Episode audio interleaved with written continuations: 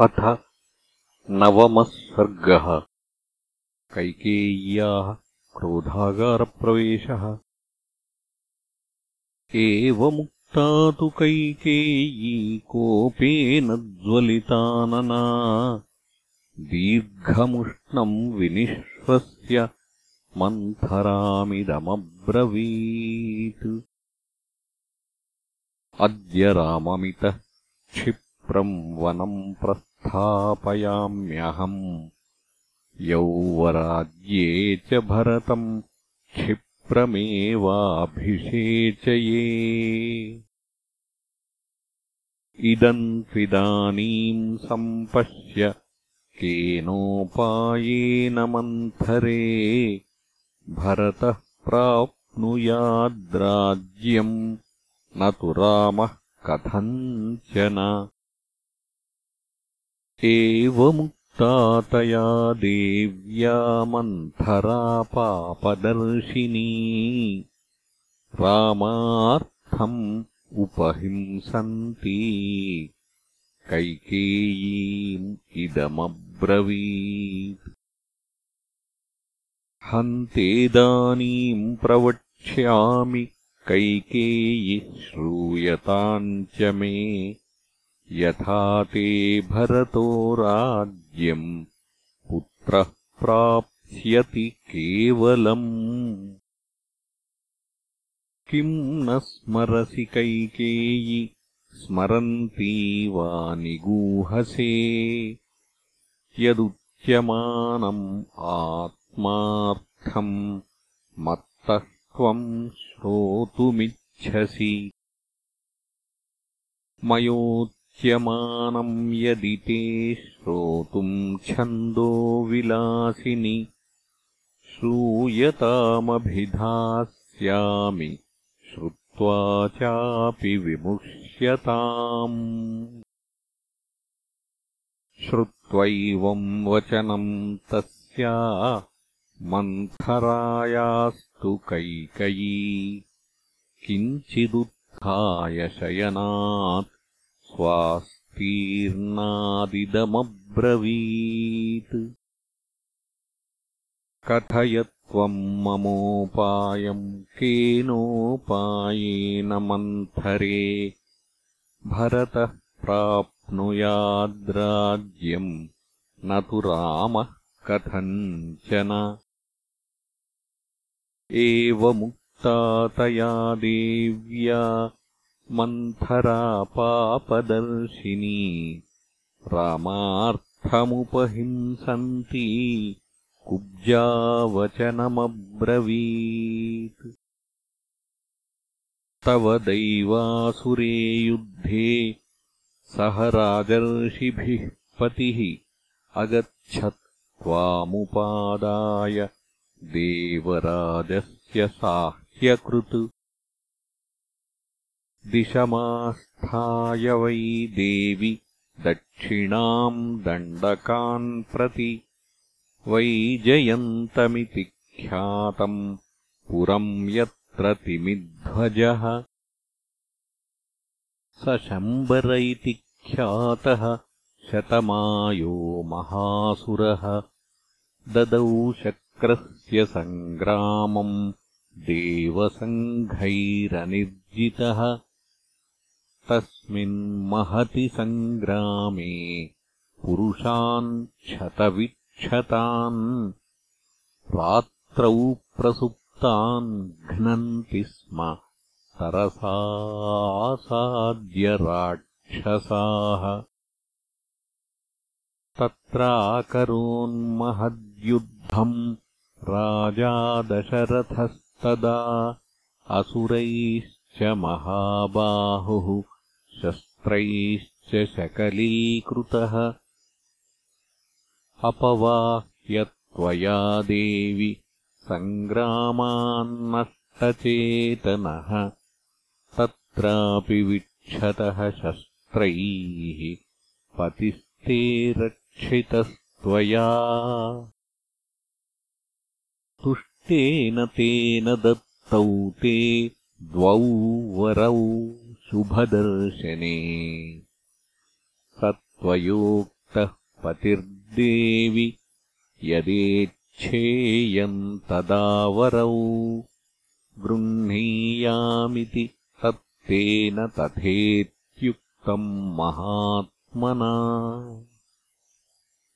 अनभिज्ञा ह्यहम् देवि त्वयैव कथिता पुरा। कथैषा तव तु स्नेहात् मनसाधार्यते मया रामाभिषेकसम्भारात् निगृह्य विनिवर्तय तौ वरौ याच भर्तारम् भरतस्याभिषेचनम् प्रव्राजनन्तु रामस्य त्वम् वर्षाणि चतुर्दश। चतुर्दश हि वर्षाणि रामे प्रव्राजिते वनम् प्रजाभावगतस्नेहः स्थिरः पुत्रो भविष्यति। क्रोधागारम् प्रविश्याद्य क्रुद्धेवाश्वपतेः सुते चेष्वानन्तर्हितायाम् त्वम् भूमौ मलिनवासिनी। मा स्मैनम् प्रत्युदीक्षेथा मा चैनम् अभिभाषथाः। रुदन्ती चापि तम् दृष्ट्वा जगत्याम् शोकलालसा दयिता त्वम् सदा भर्तुः। अत्र मे नास्ति संशयः। त्वत्कृते स महाराजो विषेदपि हुताशनम्। न त्वाम् क्रोधयितुम् शक् न क्रुद्धाम् प्रत्युदीक्षितुम्। तव प्रियार्थम् राजा हि प्राणानपि परित्यजेत्। न ह्यतिक्रमितुम् शक्तः तव वाक्यम् महीपतिः। मन्दस्वभावे बुद्ध्यस्व सौभाग्यबलमात् मणिमुक्तम् सुवर्णानि रत्नानि विविधानि च दद्याद्दशरथो राजा मा स्मतेषु मनः कृथाः यौ तौ दैवासुरे युद्धे वरौ दशरथो ददात्। तौ स्मारय महाभागे सोऽर्थो मा त्वामतिक्रमेत् यदा तु ते वरम् दद्यात् स्वयमुत्थाप्य राघवः व्यवस्थाप्य महाराजम् त्वमिमम् वृणुयावरम् रामम् प्रव्राजयारण्ये नववर्षाणि पञ्च च भरतः क्रियताम् राजा पृथिव्याः पार्थिवर्षभः चतुर्दश हि वर्षाणि रामे प्रव्राजिते वनम् रूढश्च कृतमूलश्च शेषम् स्थास्यति ते सुतः। रामप्रव्राजनम् चैव देवि याचस्वतम् वरम्। एवम् सिद्ध्यन्ति पुत्रस्य सर्वार्थास्तव भामिनि एवम् प्रव्राजितश्चैव रामो रामो भविष्यति। भरतश्च हतामित्रः तव राजा भविष्यति। येन कालेन रामश्च वनात् प्रत्यागमिष्यति।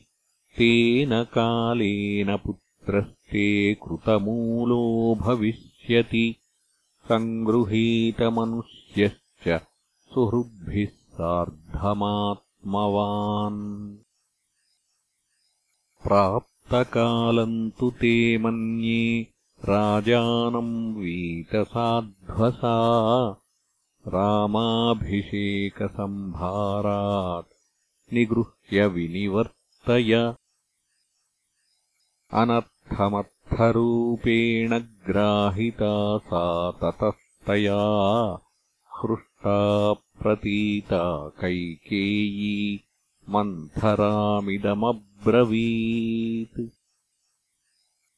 सा हि वाक्येन कुब्जायाः किशोरीवोत्पथम् गता कैकेयी विस्मयम् प्राप्ता परम् परमदर्शना। कुब्जे त्वा नाभिजानामि श्रेष्ठाम् श्रेष्ठाभिधायिनीम्। पृथिव्यामसि कुब्जानाम् उत्तमा बुद्धिनिश्चये।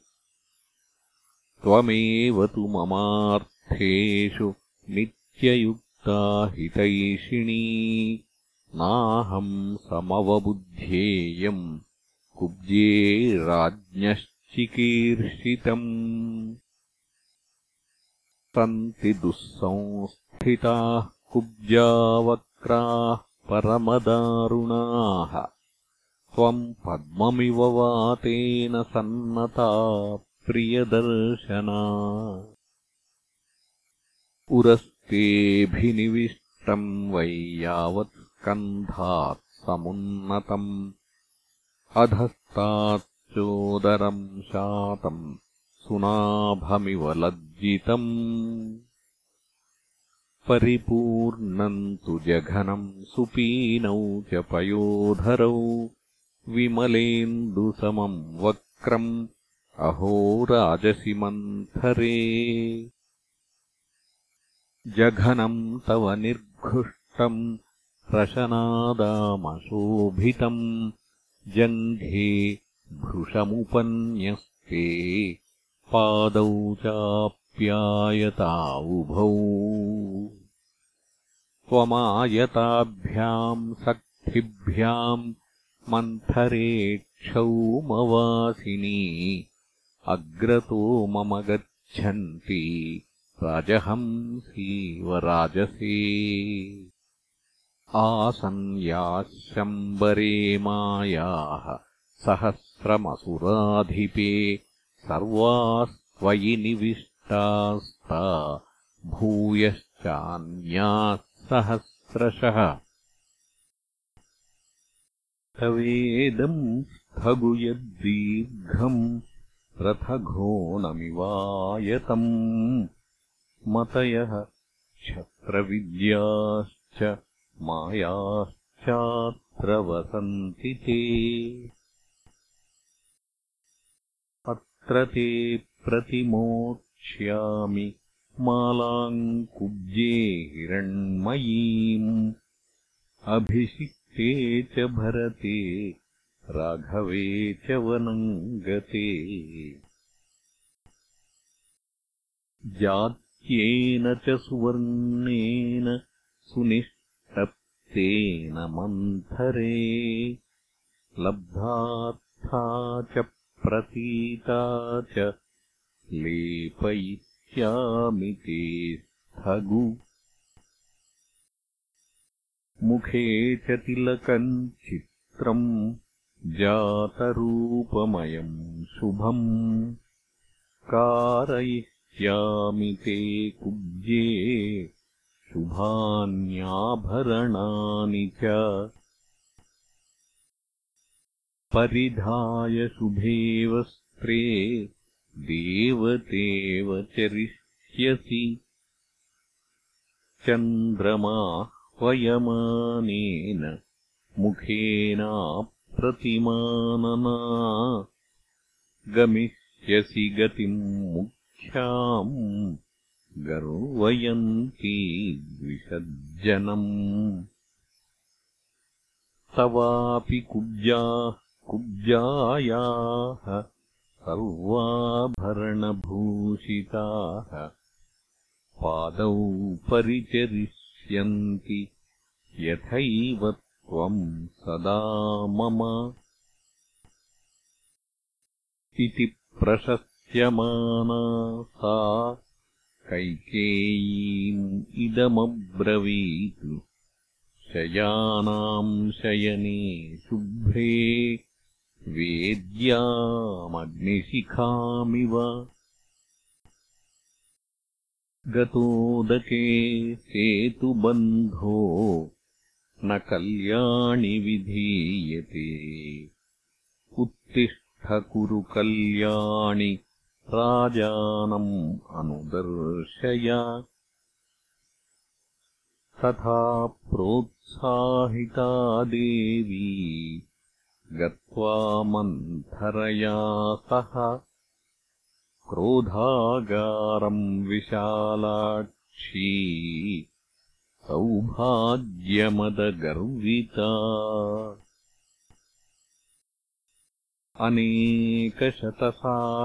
अनेकशतसाहस्रम् मुक्ताहारम् वराङ्गना अवमुच्यवरार्हाणि शुभान्याभरणानि च। ततो हेमोपमा तत्र कुब्जावाक्यवशङ्गता संविश्य भूमौ कैकेयी मन्थरामिदमब्रवीत्। इह वा माम् मृताम् कुब्जे नृपायावेदयिष्यसि वनन्तुराघवे प्राप्ते भरतः प्राप्स्यति क्षितिम् न सुवर्णेन मे ह्यर्थो न रत्नैः न च भोजनैः। एष मे जीवितस्यान्तो रामो यद्यभिषि अथो पुनस्ताम् महिषीम् महीक्षितो वचोभिरत्यर्थमहापराक्रमैः उवाच कुब्जा भरतस्य मातरम्। हितम् वचो राममुपेत्य चाहितम्। प्रपत्स्यते राज्यमिदम् हि राघवो। यदि ध्रुवम् त्वम् ससुता च तप्स्यसे।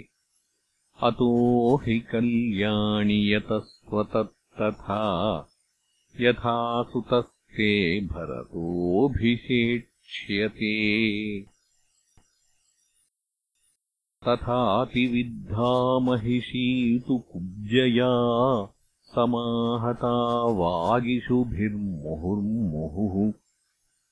निधाय हस्तौ हृदयेति विस्मिता।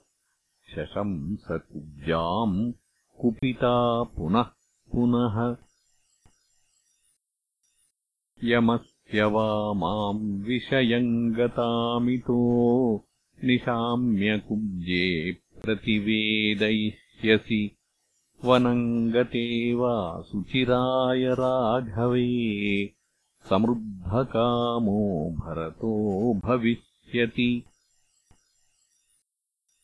अहम् हि नैवास्तरणानि न स्रजो न चन्दनम् नाञ्जनपानभोजनम् न किञ्चिदिच्छामि न चेह जीवितम्।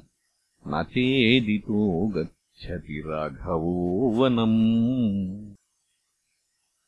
अथैतदुक्त्वा वचनम् सुदारुणम् निधाय सर्वाभरणानि भामिनी असंवृतामास्तरणेन मेदिनीम् तदाधिशिष्ये पतितेव किन्नरी।